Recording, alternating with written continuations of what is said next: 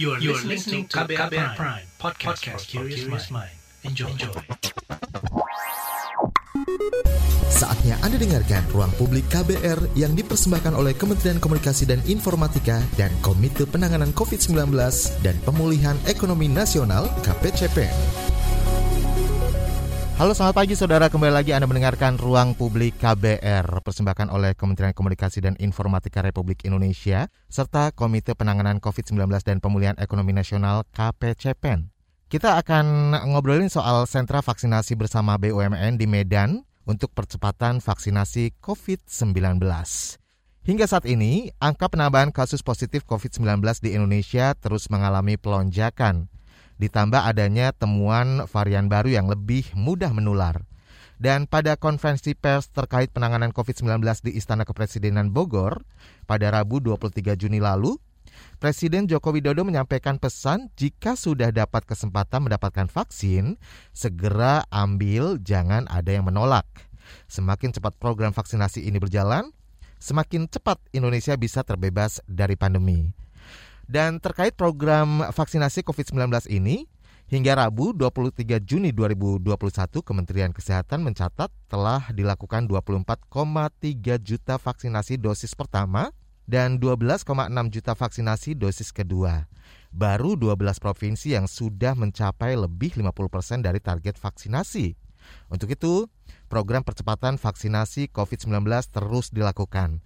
Salah satunya di Sumatera Utara Baru-baru ini Menteri BUMN Bapak Erick Thohir telah meresmikan sentra vaksinasi bersama BUMN untuk wilayah Sumatera Utara yang berpusat di Polonia, Medan. Nah, bagaimana sentra vaksinasi bersama sejauh ini dilaksanakan? Lalu apa langkah yang diambil Pemkot Medan untuk mempercepat vaksinasi? Kita akan perbincangkan bersama lebih dalam soal ini. Saya sudah terhubung dengan dua narasumber sekaligus. Yang pertama adalah Bapak Bobi Nasution selaku Wali Kota Medan dan kemudian Bang Arya Sinulingga staf khusus ketiga Menteri BUMN dan Koordinator Komunikasi Publik KPCPEN. Saya akan menyapa terlebih dahulu kedua narasumber kami. Halo Pak Bobi, selamat pagi. Selamat pagi. Iya, Bang Arya, selamat pagi. Salam ya. sehat selalu. Ya. Ini sehat. posisi lagi di mana nih Bang Arya? Kayaknya lagi sibuk banget nih. lagi vaksinasi di Medan ini. Oh di Medan ya, masih iya. terus berlanjut ya Pak ya? Masih masih terus berlanjut. Baik, saya akan ke Bang Arya Sinulingga terlebih dahulu deh. Sebelumnya bisa dijelaskan nih Bang, apa sih yang disebut dengan sentra vaksin bersama BUMN ini sebenarnya? Uh, jadi sebenarnya untuk uh, sentra vaksin ini adalah mempercepat ya, mempercepat uh, herd immunity gitu di khususnya Indonesia gitu. Dan kita udah buat ini di kemarin di Jakarta di dua lokasi di Senayan ya. Kemudian di Surabaya Semarang Bandung. Nah di Jawa sudah kita sama masuk ke Sumatera. Maksudnya di Medan. Di Medan ini kita sudah buat ke hari udah hari ke-17 ya. Hari ke-17 gitu ya. Dan uh, sudah Uh, cukup bagus, cukup bagus ya. Rata-rata perkembangannya saat ini sekitar 6.000 ke 7.000 per harinya yang divaksin. Di tepatnya di lokasinya di Lanut Polonia ya. Mak, Lanut Polonia ex uh, Bandara Polonia dulu gitu. Baik. Dan sebenarnya ini peruntukannya kalau uh, sentra vaksin yang didirikan oleh BUMN ini peruntukannya seperti apa nih, Bang Arya? Ini peruntukannya untuk umum ya, artinya udah bisa masuk ke usia 17 sampai sorry 18 sampai usia lanjut udah semua di sana ya. Jadi baik itu lansia, pralansia yang 18 tahun ke 59 kemudian juga pelayan publik itu kita layani semua sekarang. Hmm. Lalu kemudian kenapa memilih Medan nih? Medan menjadi salah satu eh, pilihan berdirinya uh, pusat vaksinasi ini kita kan Medan ini kan termasuk yang kota besar di di di Indonesia ya, hmm. yang uh, pada penduduknya juga sangat tinggi. Kan biasanya kalau tinggi kepadatan kan itu uh, cukup rentan terhadap uh, COVID-19 ya, karena kan kita tahu bahwa COVID-19 ini kan tidak tidak bisa berpindah sebenarnya. Dia berpindah karena manusia gitu. Nah, kalau kepadatan tinggi kan biasanya interaksi kan tinggi. Hmm. Interaksi tinggi maka kemungkinan corona juga harus uh, tinggi gitu. Bukan tinggi artinya kalau dia jaga prokesnya ini, tapi kan probabilitasnya. Jadi uh, maka kita harus uh, secepatnya juga masuk ke kota-kota besar yang uh, tingkat kepadatan tinggi supaya kita bisa mencapai herd immunity dengan sangat cepat gitu. Oke, bukan berarti mengesampingkan kota-kota kecil gitu ya Bang Arya ya? Oh enggak, enggak, enggak, enggak. Tapi kan kita namanya namanya ini kan punya ini ya. Namanya uh, proses vaksinasi kan punya prioritas ya. Prioritasnya pasti di tempat yang padat, daerah yang merah gitu ya. Itu kan prioritas gitu. Itu pasti gitu, Mas. Dari segi lokasi, dari segi uh, apa komposisi kan kita tahu dulu kan yang pertama yang pertama kan dia tenaga kesehatan, baru kan di lansia itu dari si umur, kemudian pelayan publik yang sering ketemu orang, itu kan diutamakan dulu. Nah, berikutnya kan yang diutamakan adalah daerah-daerah yang padat penduduk dan daerah-daerah yang merah gitu. Baik, jadi termasuk untuk vaksin anak itu ya, Bang Arya, disediakan Kami juga di sana. Kami belum masuk ke anak. Kami oh, belum masuk ke anak. 17 tahun ya?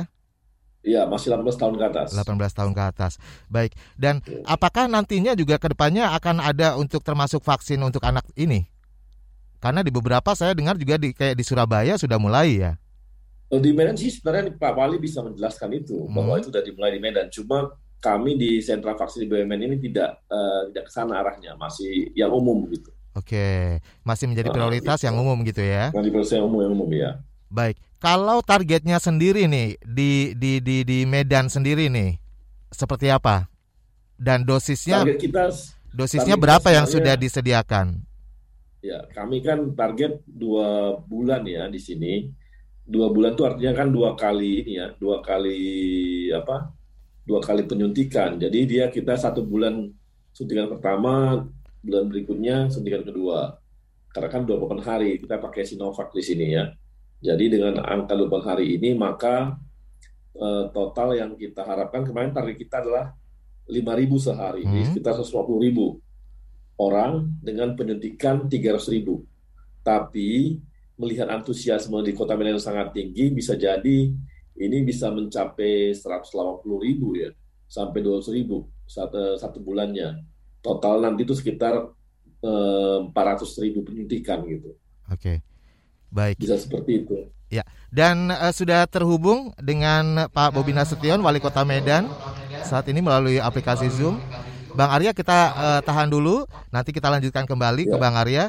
Saya ingin update juga nih uh, terkait dengan uh, tingkat apa namanya angka positif yang terjadi di uh, Medan sejauh ini. Seperti apa update-nya boleh dijelaskan terlebih dahulu kepada Pak Wali Kota, Pak Bobi. Ya baik, uh, Bang Rizal terima kasih. Selamat pagi Bang Arya Sinulingga. Selamat pagi Bang uh, Budi. Kalau ditanya Bang, uh, Kota Medan bagaimana kondisi COVID hari ini dan berapa tingkat uh, positivity rate Kota Medan, bisa saya sampaikan. Sebenarnya positivity rate kita dalam dua minggu terakhir turun Bang. Turun tiga persen, memang tidak terlalu uh, signifikan. Namun perlu uh, kita tanggapi dengan penurunan ini. Uh, bahwasanya beberapa kasus di Kota Medan ini sudah bisa dikatakan terkendali. Memang angka positivity rate kita masih uh, dua digit kita bilang dari 30,01 persen sekarang ada di 27-an persen itu angka positivity rate kita dengan uh, testing per hari itu rata-rata 800 800 testing per hari yang dilakukan oleh pemerintah Kota Medan, oleh ke masyarakat Kota Medan. Dan ini sudah sebenarnya uh, saya ingin menginformasikan juga hari ini mulai dari kemarin tanggal 12 sampai ke depan tanggal 20 nanti Kota Medan masuk ke 15 kota kabupaten salah satunya yang uh, melakukan PPKM darurat. Memang kalau ditanya kenapa Medan masuk ke PPKM darurat, dari beberapa waktu ke belakang saya selalu menjelaskan bahwa kondisi COVID di Kota Medan terkendali, seperti bor kita juga masih dikatakan uh, relatif stabil di angka 37 ke 40 uh, 45 persen, selalu seperti itu memang agak peningkatan agak peningkatan terjadi dalam lima hari terakhir itu hampir 10 persen peningkatannya. Namun bukan hanya uh, kalau kalau ditanya biasanya bor meningkat, harusnya positivity rate meningkat. Tapi ini kenapa positivity rate-nya turun tapi bornya kok meningkat? Nah ini salah satu alasannya karena banyak rumah sakit uh, kita ini kota Medan Iya. Harusnya memiliki tempat tidur uh, minimal 30 persen, penyediaan 30 persen tempat tidurnya untuk uh, COVID. Tapi yang menut ditut ya sudah tidak 30 persen lagi banyak dari bawah 30 persen ini memang uh, yang menyebabkan beberapa kondisi kota Medan seperti bornya meningkat. Namun uh, saya ingin memastikan pada masyarakat kota Medan jangan panik. PPKM darurat di kota Medan salah satu uh, pemikiran yang ditetapkan adalah karena menghindari efek pimpong dari COVID-19 yang terjadi di Jawa dan Bali. Seperti itu, Bang. Oke. Nah, kalau uh, diberlakukan juga PPKM darurat, karena masyarakat kan tahu bahwa PPKM darurat ini hanya untuk Jawa Bali gitu ya. Pemahaman masyarakat. Awalnya, Bang, awalnya. Iya, awalnya, awalnya. Nah, ini apakah PPKM darurat yang diberlakukan di Jawa Bali juga sama dengan di Medan atau seperti apa? Bisa dijelaskan? Uh, pada prinsipnya PPKM darurat uh, penerapannya sama. Hmm. Sama saja apa yang diterapkan di Jawa dan Bali dan di 15 kota dan kabupaten di luar Jawa dan Bali, termasuk kota Medan. Oleh karena itu, intinya sebenarnya Bang ingin saya sampaikan PPKM 1, 2, 3, 4, 5 sampai dengan seterusnya bahkan PPKM pengetatan dan hari ini PPKM darurat yang ingin saya sampaikan adalah uh, bagaimana sebenarnya masyarakat itu bisa menerapkan uh, prokes. Kita ada 5M. Salah satunya yang paling ditekankan pada PPKM darurat ini adalah bagaimana uh, uh, salah satu dari 5M itu adalah mengurangi mobilitas. Makanya uh, ada 18 titik Bang di Kota Medan, di 5 pintu masuk Kota Medan dan di 13 titik uh, jalan masuk Kota Medan uh, yang sudah uh, inti kota Medan ini ada kita lakukan penyekatan. Intinya adalah untuk mengurangi mobilitas, mobilitas yang tidak perlu, mobilitas yang uh, tidak seharusnya, mobilitas yang bisa menyebabkan penularan COVID-19. Nah ini juga yang uh, yang yang ditekankan pada PPKM darurat kali ini. Selain memang 3T, bukan hanya 5M, Bang, bukan, uh, bukan hanya masyarakat yang diminta tentunya, tapi kerja pemerintah daerah melalui tiga gitu juga ada ppkm darurat ini karena ada baik mengatakan uh, tugas untuk menerapkan tiga gitu. Iya, selain 3T juga uh, program vaksinasi juga terus uh, dipercepat gitu ya di Kota Medan terbukti dengan hadirnya sentra vaksin bersama BUMN yang sudah diresmikan baru-baru ini. Nah, nanti saya akan update juga nih terkait dengan uh, program vaksinasi ini di Kota Medan khususnya dan Bang Arya tetap di sini juga Pak uh, Bobi Nasution Wali Kota Medan juga tetap uh, bersama saya. Kita tahan dulu karena harus jeda iklan terlebih dahulu. Kita akan kembali setelah jeda iklan tetap di sini di ruang publik KBR bersama saya Rizal Wijaya. Masih Anda dengarkan Ruang Publik KBR yang dipersembahkan oleh Kementerian Komunikasi dan Informatika dan Komite Penanganan COVID-19 dan Pemulihan Ekonomi Nasional KPCPN. Commercial break. Commercial break. Commercial break. Hmm, saya heran kenapa dagangan Bulastri selalu laris manis ya? Jangan-jangan dia pakai penglaris nih. Ah, masa iya sih? Ah, saya samperin aja kali ya.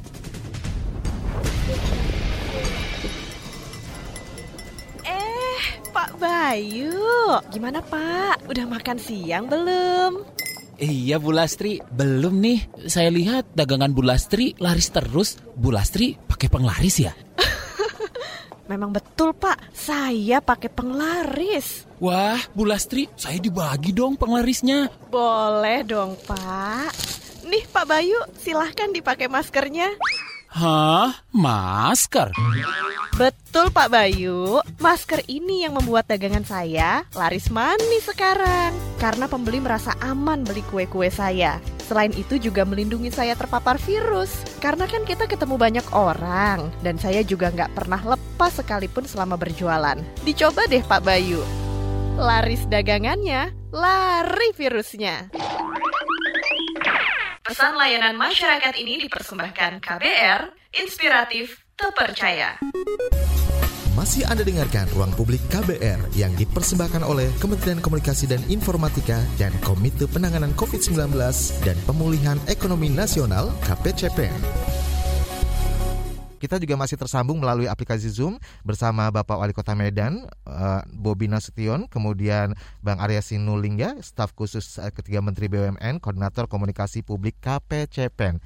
Baik, sebelum kita lanjutkan kembali perbincangan kita pagi hari ini, ternyata uh, banyak sekali yang sudah mengantri ya untuk uh, dibacakan nih beberapa pertanyaan melalui live chat YouTube Berita KBR, kemudian WhatsApp juga dan sekarang ada penelpon yang sudah terhubung ada Daril yang ada di Bekasi. Selamat pagi Daril. Selamat pagi Mas. Silakan ada yang mau ditanyakan Daril.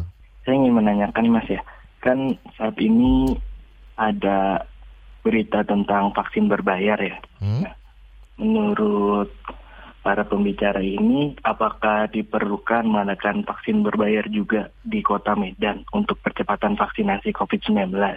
Atau hanya dengan memperbanyak sentra vaksinasi saja di berbagai titik kota sudah cukup untuk membantu percepatan vaksinasi.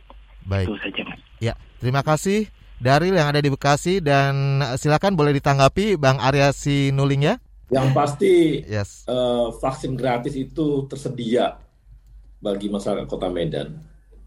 Jadi kalau mau divaksin datang saja ke sentra-sentra vaksin ataupun ke puskesmas saya rasa begitu.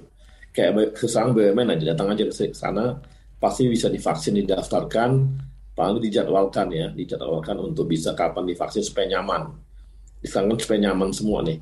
Nah, jadi eh, pemerintah me, ini ya, me, mengamankan untuk yang di namanya vaksin gratis tersebut. Jadi nggak usah khawatir mengenai ketersediaan vaksin gratis. Kemudian yang kedua, eh, saya perlu sampaikan juga di sini bahwa kemarin ada pembicaraan koordinasi antara uh, Kemenkes, Menkes, Menteri BUMN, uh, eh, KPK, Ketua BPK, Jasa Agung, dan juga Menko Marinvest bahwa nanti yang namanya vaksin gotong royong itu tetap berada di jalur yang namanya uh, karyawan yang dibayarkan oleh perusahaan. Jadi tetap gratis juga bagi karyawan individu tersebut gitu. Begitu Mas. Oke, artinya uh, jadi ini untuk sentra vaksin bersama ini gratis, tidak ada yang dipungut biaya gitu ya Bang Arya ya. Ada, jadi Kita tegaskan kembali siapa ya. aja datang aman untuk divaksin. Baik, dan uh, terkait dengan sentra vaksin bersama, ini kan di Medan menjadi salah satu kota yang menjadi prioritas nih. Uh, mungkin Pak Bobi Nasution nih boleh dijelaskan bagaimana sih uh, program ini dilaksanakan di kota Medan sendiri?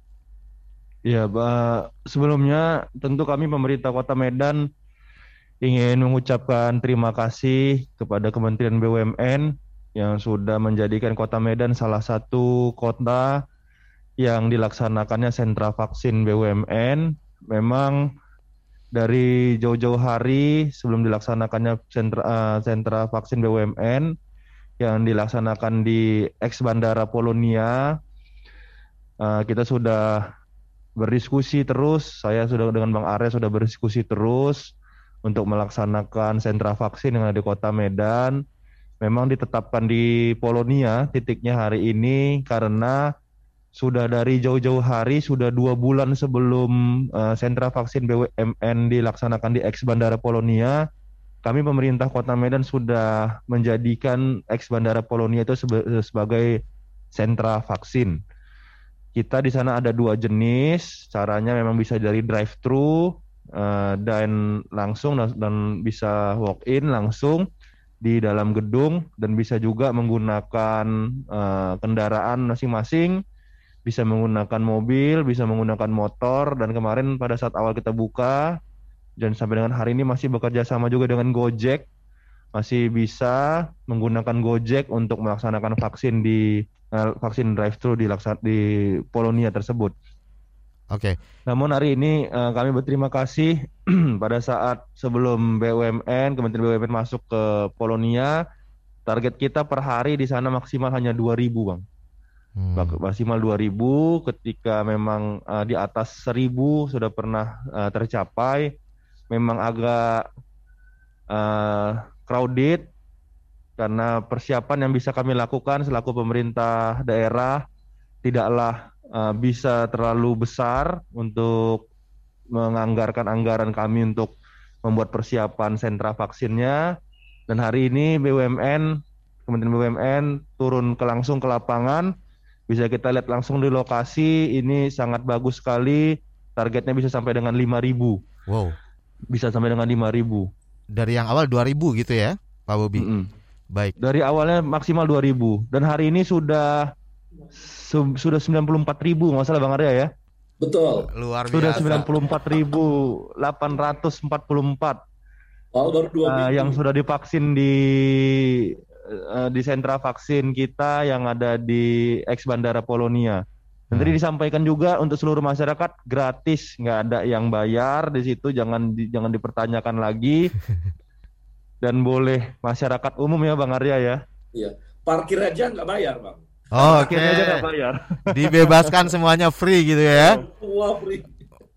Baik. Mungkin ingin menambahkan sedikit tadi Bang Baik. untuk uh, pertanyaan memang tadi ditujukan ke Bang Arya ya, tapi dari Daril. Pemerintah Kota Medan ingin menambahin sedikit untuk vaksin berbayar di Kota Medan sebenarnya sudah berjalan bahkan ada sudah seribu dosis. Hmm uh, yang sudah disuntikkan ini memang dikoordinir melalui Kadin dan sudah ada beberapa rumah sakit yang bekerja sama. Namun tenang karena jenis vaksinnya berbeda yang hari ini disuntikkan. Tadi sudah dijelaskan kami yang yang ada di sentra vaksin itu menggunakan Sinovac hmm. dan yang disuntikkan untuk teman-teman uh, yang berbayar yang dikoordinasikan dengan uh, vaksin gotong royong ini Sinovac yang hari ini kita disuntikkan dan ini sudah berjalan sebenarnya bang uh, dari beberapa waktu yang lalu itu dan gratis ya, ya. Enggak, kalau yang tadi vaksin gotong royong yang tadi yang menanyakan yang penelpon, ya. tadi ada yang menelpon bagaimana vaksin berbayar. Nah, ini memang sudah dikoordinir ke perusahaan masing-masing di ke perusahaannya bang. Bukan orang datang untuk uh, divaksin bisa dibayar tapi kita informasikan ke perusahaan-perusahaan melalui bantuan dari Kadin Sumatera Utara dan Kadin uh, Medan. Itu diinformasikan ke perusahaan-perusahaannya. Baik. Itu bang. Jadi karyawan yang ingin divaksin pun juga uh, judulnya tetap gratis kan artinya? Iya betul betul. Yang datang gratis. Itu dari ininya. Betul betul betul Ya, dan uh, terkait dengan peningkatan jumlah orang yang divaksin nih dari uh, maksimal 2000 tadi disebutkan uh, 6000 ya.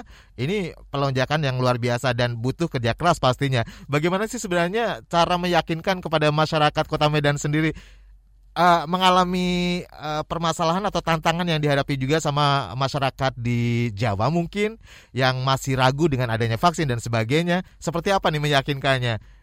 Di Kota Medan sendiri, Pak Wali Kota? Ya sebenarnya ini bagaimana hanya cara kita mengajak bagaimana seluruh lapisan masyarakat ini bisa kita ajak, bisa kita sentuh, bisa kita diskusi, banyak diskusi, apa efeknya, banyak yang nanya. Juga katanya, ah ada yang udah divaksin juga masih uh, kena COVID katanya. Hmm. Nah, jawaban-jawaban seperti ini saya bilang kepada seluruh jajaran pemerintah Kota Medan, khususnya di Dinas Kesehatan, ini harus bisa menjawab, harus bisa mengajak diskusi masyarakat terkait hal-hal tersebut. Kita selalu sampaikan, contoh misalnya pertanyaan seperti tadi, pasti beda masyarakat kita atau uh, warga kita Medan yang sudah divaksin apabila terkena COVID sama yang belum divaksin apabila terkena COVID. Nah ini efeknya pasti berbeda. Nah ini kita sampaikan hal seperti itu yang kita ceritakan. Dan hari ini juga kita efektifkan sampai dengan tingkat kita yang paling bawah di uh, Kepling Kepling ini sangat aktif bang, hmm. sangat aktif mengajak masyarakat uh, untuk bisa melakukan atau bisa divaksin, mengajak. Bahkan ada beberapa lokasi yang kita buat. Ada di situ titik uh, vaksinasi, sentra vaksinasi juga kita lakukan di situ uh, pasar murah. Oke. Okay. Jadi yang sudah divaksin boleh beli pasar murah, uh, boleh belanja di pasar murah yang kami sediakan. Nah ini beberapa beberapa skema, beberapa metode untuk mengajak masyarakat Kota Medan selalu kita lakukan. Gitu bang. Sangat menarik ya. Dan ini tentunya uh, memang masing-masing wilayah beda-beda karakternya tentu ya. Butuh dibutuhkan edukasi betul. sosialisasi secara terus menerus pastinya. Baik, uh, betul, kita betul. tahan kembali untuk jeda iklan terlebih dahulu. Jangan ke mana-mana, tetap di ruang publik KBR. Masih Anda dengarkan Ruang Publik KBR yang dipersembahkan oleh Kementerian Komunikasi dan Informatika dan Komite Penanganan COVID-19 dan Pemulihan Ekonomi Nasional KPCPN. Hingga saat ini Anda masih mendengarkan Ruang Publik KBR. Kita juga masih membahas soal sentra vaksinasi bersama BUMN di Medan untuk percepatan vaksinasi COVID-19 dan dipersembahkan oleh uh, Kementerian Komunikasi dan Informatika Republik Indonesia serta KPCPEN. Kita juga masih terhubung dengan dua narasumber, Bobi Nasution, Wali Kota Medan, dan juga Bang Arya Sinulinga, staf khusus ketiga Menteri BUMN, Koordinator Komunikasi Publik KPCPEN. Kita uh, sebelum berlanjut lagi dengan perbincangan pagi hari ini, sudah terhubung juga dengan penelpon kita dari Jakarta, ada Resi. Selamat pagi Resi. Selamat pagi Mas. Silakan Resi. Iya, uh, sebenarnya kan kalau kita ngeliat di internet ini banyak tempat vaksinasi yang ramai karena mungkin tadi yang disebut itu kan uh, apa angka vaksinnya juga dinaikin jadi banyak orang yang juga datang. Uh, hasilnya kan jadi kayak banyak orang yang berdempet-dempetan di tempat-tempat vaksin tempat vaksinasi ini. Uh, ini jadi nimbulin kenaikan ya ke angka positif positifnya juga prokes yang diterapin terapin itu gimana ya? Baik. Seperti itu aja. Terima kasih ya, Resi di Jakarta. Ya. Silakan mungkin dari uh, Bang Arya yang akan ya. menanggapi terlebih dahulu. Baik, uh, kita sudah buat vaksinasi ini bukan pertama ya di Medan, tapi udah dibikin di Jakarta dua tuh ya. Ke, uh, jumlahnya mirip-mirip di Bandung, Surabaya. Prokesnya, social distancingnya sih uh, kita jaga betul. Mudah-mudahan orang semua duduk ada jaga jarak dan sebagainya kalau di foto memang kayaknya rame, padahal kecepatan pergerakannya sangat cepat. Dari awal mendaftar sampai selesai disuntik itu hanya butuh sekitar 40 menit. Betul. Jadi jadi dia dan kita sejak awal gini, mereka tuh mendaftar, mendaftar lewat online misalnya. Langsung dijadwalkan ada tentang jam 2 ya, tentang jam 3 ya gitu. Itu aja udah buat antrian akan tertata rapi. Nah, itu yang kita jaga dan kita memang jaga banget yang seperti itu Kemudian ketika dia mulai mengantri, itu duduknya pun semua duduk, hampir semua duduk dan rapi gitu. Dan uh, kalau di foto kayak rame, tapi kalau uh, sebenarnya dia bergerak terus, bergerak terus. Jadi dan ini pengalaman kita hampir sangat kecil ya kena corona ya. Jadi uh, karena kami kan udah punya pengalaman di beberapa kota ya. Karena di vaksin kedua ketahuan tuh mereka kena corona atau enggak. Betul. Ternyata pada umumnya enggak kena corona. Jadi mereka semua uh, di vaksin kedua jalan gitu. Jadi kami berhasil seperti saya kan kalau kena corona nunggu tiga bulan baru divaksin. Ini enggak. Hampir semua yang kami vaksin pasti ikut vaksinasi kedua. Okay. Dan yang sudah kami vaksin itu sekitar 1,6 juta orang. Itu sangat besar gitu. Jadi mudah-mudahan sih dengan prokes yang kita jaga di tempat kita itu yang kita bikin di Medan ini itu juga bisa terjaga. Gitu. Betul. Itu mas. Oke, iya seperti juga yang saya alami dulu saya pernah vaksinasi program vaksinasi pertama di Senayan itu Bang Arya. Memang prokesnya terjaga banget, duduk aja berjarak gitu loh dan kita memang prosesnya ya. cepet gitu. Artinya nggak sampai berkerumun dan tentunya ini mungkin perlu kesadaran juga dari masyarakat ya untuk tetap jaga protokol kesehatan agar jangan sampai malahan ada klaster COVID baru seperti itu. Ya. Baik, Uh, mungkin ada yang bisa dijelaskan juga dari uh, Bang Bobi nih, Wali Kota Medan. Uh, kalau di Medan sendiri seperti apa nih? Oke. Di Medan sendiri seperti um, apa Tadi yang seperti disampaikan Bang Arya Sinulung, Sinulingga, bagaimana setiap melakukan vaksinasi massal, sentra vaksinasi, ini tadi yang di Polonia tadi sudah dijelaskan Bang Arya tentunya dan ini sangat kami apresiasi bagaimana kecepatan yang uh, dilakukan di sana mulai dari mendaftar sampai dengan disuntikkan uh, vaksin ini sangat cepat sekali. Memang kita uh, kita sudah cek di lapangan itu benar terjadi benar adanya. Namun di tempat-tempat lain hal seperti ini juga kita lakukan. Nggak tadi kami kami katakan apabila memang anggarannya untuk melakukan sentra vaksinasi itu kami kurang biasanya yang kita lakukan adalah harinya bang kita perpanjang. Okay. Misalnya target kita 1000 uh, melihat lokasi, misalnya apabila 1000 dilakukan satu hari, ini sangat riskan, bisa kita lakukan tiga hari. Nah, hal-hal seperti ini memang yang yang harus kita tahu kondisi, kita lihat di lapangan juga seperti apa, dan juga bisa kita baca karakter masyarakat kita. Ini yang yang yang diperlukan. Namun memang untuk mempercepat itu, pemerintah Kota Medan hari ini sangat membuka uh, tangan untuk bisa berkolaborasi seluas-luasnya, sebanyak-banyaknya dengan seluruh pihak, dengan Forkopimda tentunya, Forkopimda Kota Medan, dan seluruh stakeholder yang ada di Kota Medan, termasuk yang hari ini dilakukan bersama dengan Kementerian BUMN di sentra vaksinasi di Polonia. Itu uh, cara-cara kita Bang untuk uh, melakukan uh, tetap menjaga prokes karena semakin banyak yang melakukan ini semakin baik untuk masyarakat. Masyarakat juga tinggal bisa bebas pilih, Bang. Misalnya di titik A katanya, oh ini terlalu rame katanya. Bisa pindah ke titik B, bisa pindah ke titik C, pindah titik D. Nah ini semakin banyak pilihan, semakin bagus untuk masyarakat. Itu. Baik, ini ada yang tanya juga nih dari uh, Aris Tarkus di Lampung melalui YouTube channel KBR, berita KBR, di masa PPKM darurat, bagaimana target vaksin bisa dicapai sementara ada PPKM, ada pembatasan. Nah, ini pertanyaan dari masyarakat dari Lampung, Aris Tarkus dari Mandala Lampung, hmm. FM. Ya Lampung juga kayaknya kena PPKM darurat tuh kayaknya. Bandar Lampung. Bandar Lampung Mungkin masyarakat perlu tahu nih tahapan-tahapan apa saja yang harus dilakukan selama PPKM ini dengan uh, program vaksinasi bersama ini. Bang Arya. Baik, oh. ini Bang. Uh, oh, Bang Arya dulu silakan Bang. Oke, silakan. Iya, secara umumnya, sorry Bang Bob. Uh, kalau di Jakarta, kalau dia KTP Jakarta sih di tempat puskesmas sama-sama pasti bisa, nggak ada masalah.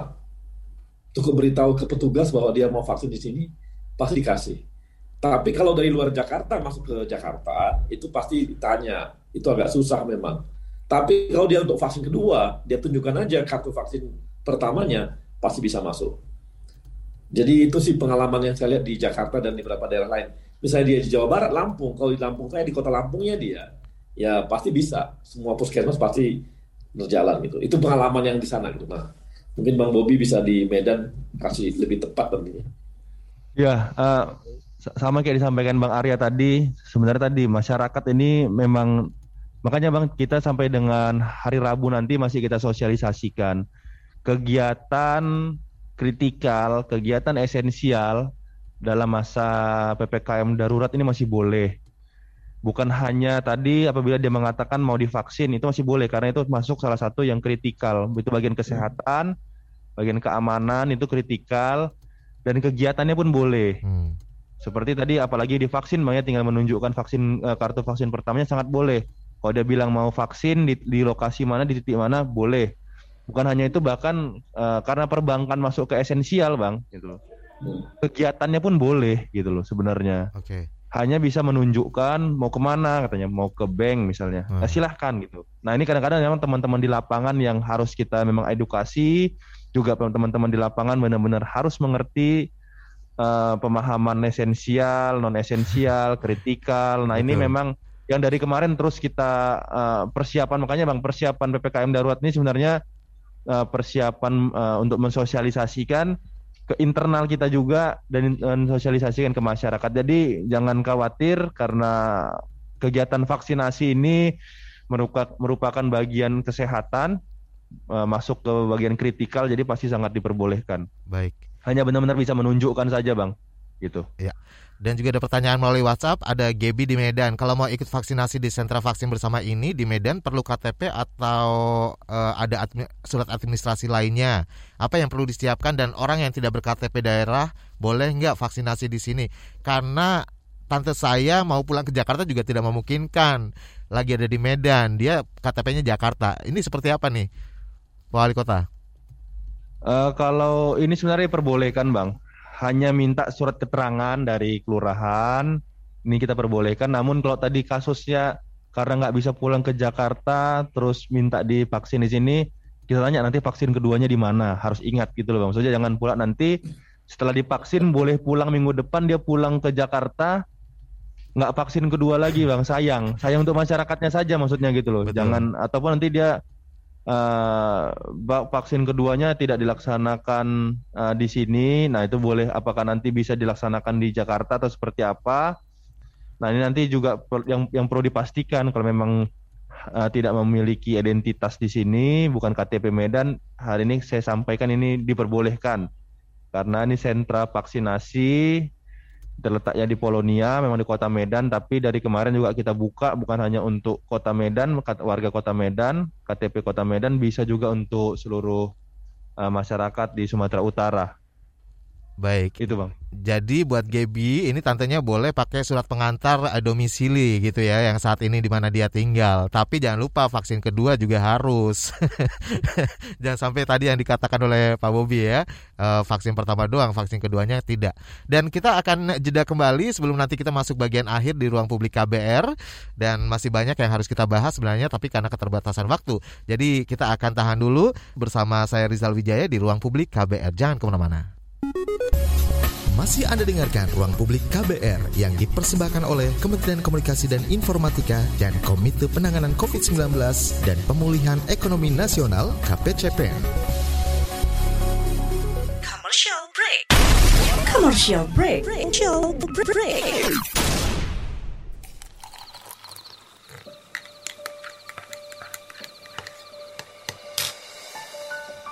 Hai, kamu apa kabar? Masih suka menikmati senja dan kopi? Aku masih ingat kebiasaan kita. Sehabis pulang kerja, selalu mencari tempat untuk sekedar ngobrol dan ngopi. Tapi kadang kita kehabisan bahan obrolan. Aku masih melakukan hal yang sama sampai sekarang tanpa harus takut habis bahan buat ngobrol. Karena aku selalu mendengarkan KBR sore dari Senin sampai Jumat jam 4 sore. Ah, aku rindu. KBR Inspiratif Terpercaya.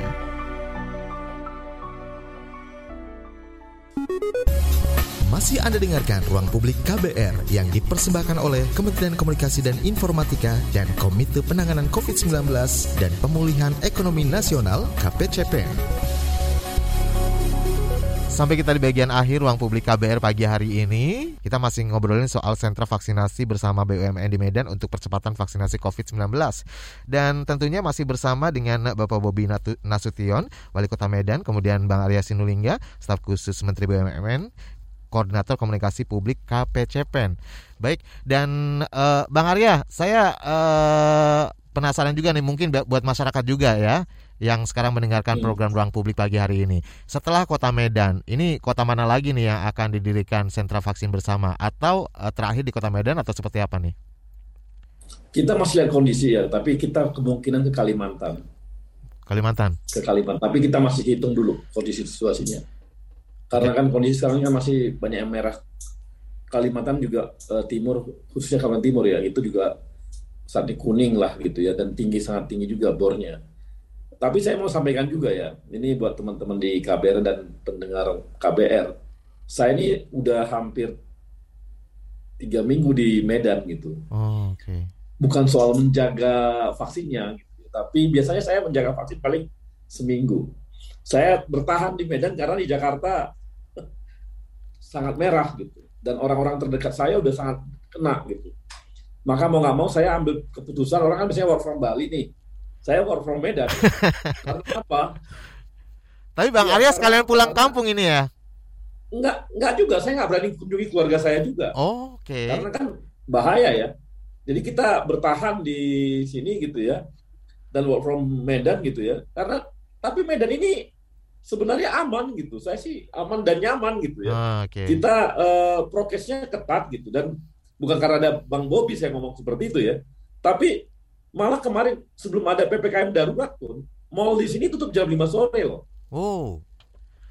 Malah belum ada PPKM darurat. Jadi eh, sangat ketat gitu. Jadi saya te lebih tenang dan aman dan nyaman kalau saya tinggal di Medan gitu kemarin tuh. Dan akhirnya ini saya kemarin ditawa ada dua, saya ada tim saya, dia balik mau balik ke Jakarta. Saya bilang kalau boleh kamu bertahan di Medan. Kalau ke Jakarta kamu 50-50 kena corona. Eh benar, dua orang ke Jakarta, satu kena corona. Uh. Seminggu kemudian. setelah itu yang temennya satu enggak jadi saya bilang 50-50 jadi saya nggak mau uh, menantang keberuntungan gitu ke Jakarta untuk di sana potensinya lebih, lebih besar ya besar jadi bagi yang mau ke Jakarta lebih bagus tahan diri apalagi kalau di Medan lebih tenang kita tinggal di Medan Wede. nyaman lah pokoknya luar biasa jadi bukan work from Bali ya Bang Nggak, tapi work from Medan, Medan. lebih enak di sini Bang Arya ya Oke. Okay. Waduh. Makannya juga asik. Jadi pengen pindah ke Medan juga nih. Jangan. Siaran dari Medan. Baik, Pak Wali Kota, boleh di-share nih mungkin kepada masyarakat atau kepada daerah lain ya, karena mungkin bisa jadi jadi pilot project gitu ya, proyek percontohan bagi kota lain. Ini bagaimana sih sebenarnya me menekankan bahwa menjaga prokes yang sangat ketat. Tadi dikatakan sebelum PPKM aja mall udah tutup jam 5 sore ya Bang Arya? 5. 5 sore. Ini bagaimana nih bisa seperti itu? Ya, sekarang kita sistemnya mengajak aja sih Bang ya. Mengajak karena saya selalu sampaikan uh, apa pun yang kami lakukan pemerintah Kota Medan ini nggak akan pernah berhasil kalau masyarakatnya sendiri nggak ikut serta, masyarakatnya tidak mengindahkan apa yang sama-sama diterapkan sebenarnya yang yang yang kami terapkan juga berlaku kepada diri kami semua. Hmm. Jadi masyarakat jangan uh, saya bilang bukan bukan ini kami terapkan uh, tanpa mempertimbangkan suatu hal, ini akan akan kami pertimbangkan. Memang untuk mengajak ini perlu adanya ketegasan, itu juga sangat perlu ketegasan. Makanya kami selalu sampaikan kita kita kasih tahu bang, misalnya tiga hari kita sosialisasi Eh, hari-hari berikutnya akan kita lihat, kita cek sudah terinformasi 100%. Kalau masih ada yang tidak mengikuti berarti uh, tidak mau mensukseskan pemutusan uh, pemutus mata rantai COVID-19 dan ini efeknya sangat sangat sangat luar biasa buruk. Oleh karena itu ketegasan sangat perlu sekali untuk kita laksanakan uh, pemutus mata rantai COVID-19. Yang penting itu sih menurut saya, Bang ya. Oke. Baik. Dan berikutnya ada Dani Setiawan yang bertanya di Kota Medan sudah berapa orang yang sudah divaksin? Target untuk capai herd immunity di Kota Medan berapa sih setelah sentra vaksinasi? Adakah yang dilakukan BUMN untuk percepatan selain sentra vaksinasi? Ini Oke, ke siapa dulu uh, nih? Silakan. Oh ya, Bang Bobi. Bang Bobi dulu, ya? dulu oke. Okay. Saya dulu kalau target kita Bang ini target yang divaksinasi uh, jumlah warga kita dulu awal uh, satu juta empat ratus. Hari ini target kita yang bisa divaksin satu juta sembilan ratus. Kenapa bertambah? Karena uh, segmen masyarakat yang bisa divaksin hari ini semakin bertambah juga, Bang. Dulu kan pralansia belum boleh. Hmm. Masih maksimal 60 tahun ke atas. Sekarang pralansia sudah boleh, 50 tahun ke atas sudah boleh. Uh, teman-teman kita, anak-anak kita, adik-adik kita yang umur 12 tahun sampai dengan 18 tahun juga sudah boleh ibu menyusui juga sudah boleh. Nah ini apabila dijumlahkan uh, dari 2.500 masyarakat kota Medan, itu target kita 1.900 uh, yang harus divaksin uh, warga Medan. Nah untuk uh, vaksinasi yang dilakukan hari ini memang dari berjalan uh, ter, uh, jalan terus hari ini sudah mencapai angka 50,01 persen. Hmm yang sudah kita vaksin uh, warga Medan. Dari target kita juga sudah sudah dan ini juga terus kita laksanakan bukan hanya dari BUMN beberapa teman-teman dari Forkopimda juga terus uh, kita support kita bersama-sama saling mensupport agar bisa terus terlaksana. Bukan hanya sentra dari Kementerian BUMN teman-teman BUMN juga sangat banyak juga nih Bang Arya terkhusus teman-teman yang di Medan bagian utara karena kita punya pelabuhan. Lindo. DP Lindo juga sangat agresif sekali melaksanakan vaksinasi. Kami juga berterima kasih. Nah, seperti inilah Bang kami peran pemerintah daerah karena kalau kami sendiri saja yang kerja mungkin tidak Betul. bisa efektif, tidak bisa cepat gitu Bang. Kami selalu mengajak siapa pun yang mau, kelompok-kelompok ya? masyarakat, semua Bang, kelompok-kelompok masyarakat, organisasi-organisasi ini terus bahkan kemarin baru beberapa hari yang lalu uh, diskusi dengan beberapa teman-teman organisasi keagamaan mereka mau buat di rumah-rumah ibadah bang. Oke. Okay. selama masa ppkm darurat ini karena tidak boleh apa tidak diperkenankan ibadah berjamaah bukan bukan rumah ibadah yang ditutup bang ya ibadah berjamaah yang dilarang ayo kita tun, uh, kita uh, tempat iba, uh, rumah ibadah ini bukan hanya untuk ibadah tapi untuk menyebar kebaikan yang lain kita bisa lakukan vaksinasi di rumah-rumah ibadah ada ada ada ide-ide dari kelompok-kelompok masyarakat seperti itu kemarin bang. Baik. Kalau Bang Arya Sinulingga uh, sekaligus menjawab menanggapi pertanyaan Dani Setiawan tadi, sekaligus ada uh, imbauan atau pesan yang ingin disampaikan kepada masyarakat karena waktunya terbatas. Silakan. Ya, yang pasti kita berusaha ya untuk melakukan vaksinasi ini kan sudah di beberapa kota gitu ya. Tapi di samping itu kita juga bekerja keras untuk untuk pengadaan kan vaksinasi semua kan dari BUMN. Hmm. Semoga, ini semua bisa tercapai juga. Kemudian juga kita juga melakukan yang namanya uh, ini ya pembuatan rumah sakit rumah sakit di Jakarta kan kita bikin seperti itu juga dan uh, obat-obatan pun saat ini kita lagi fullkan juga supaya gampang mendapatkan obat dan vitamin di samping itu oksigen pun kita lagi pasok juga ke beberapa daerah di Jawa ya karena malah kita Pak Erik itu mengalihkan BUMN-BUMN yang bisa memasok oksigen industri ke oksigen individu gitu ke pasien ini lagi-lagi dilakukan juga. Jadi sangat banyak hal yang kita kerjakan karena apa pun ceritanya corona ini harus kita bisa atasi. Kalau nggak diatasi kan akan berdampak ke hal-hal yang lain semua gitu. Jadi mau nggak mau kita memang prioritas kita saatnya adalah bagaimana menanggulangi corona gitu. Baik, terima kasih. Dan terakhir untuk ya. orang Medan silakan datang ke Polonia, daftar di Halodoc dan sebagainya pasti dilayani. Baik. Terima kasih sekali atas waktunya Bang Ria Sinulingga dan juga uh, Bang Bobi. Ya, ya, terima kasih. Salam terima sehat kasih, selalu bagi semuanya. Terima kasih kawan-kawan. Baik. Dan saya Rizal Wijaya harus segera pamit dari ruang publik KBR pagi hari ini. Terima kasih. Salam. Baru saja Anda dengarkan ruang publik KBR yang dipersembahkan oleh Kementerian Komunikasi dan Informatika dan Komite Penanganan COVID-19 dan Pemulihan Ekonomi Nasional KPCPN.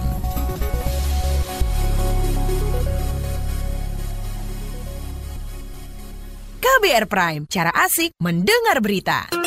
KBR Prime, podcast for curious mind.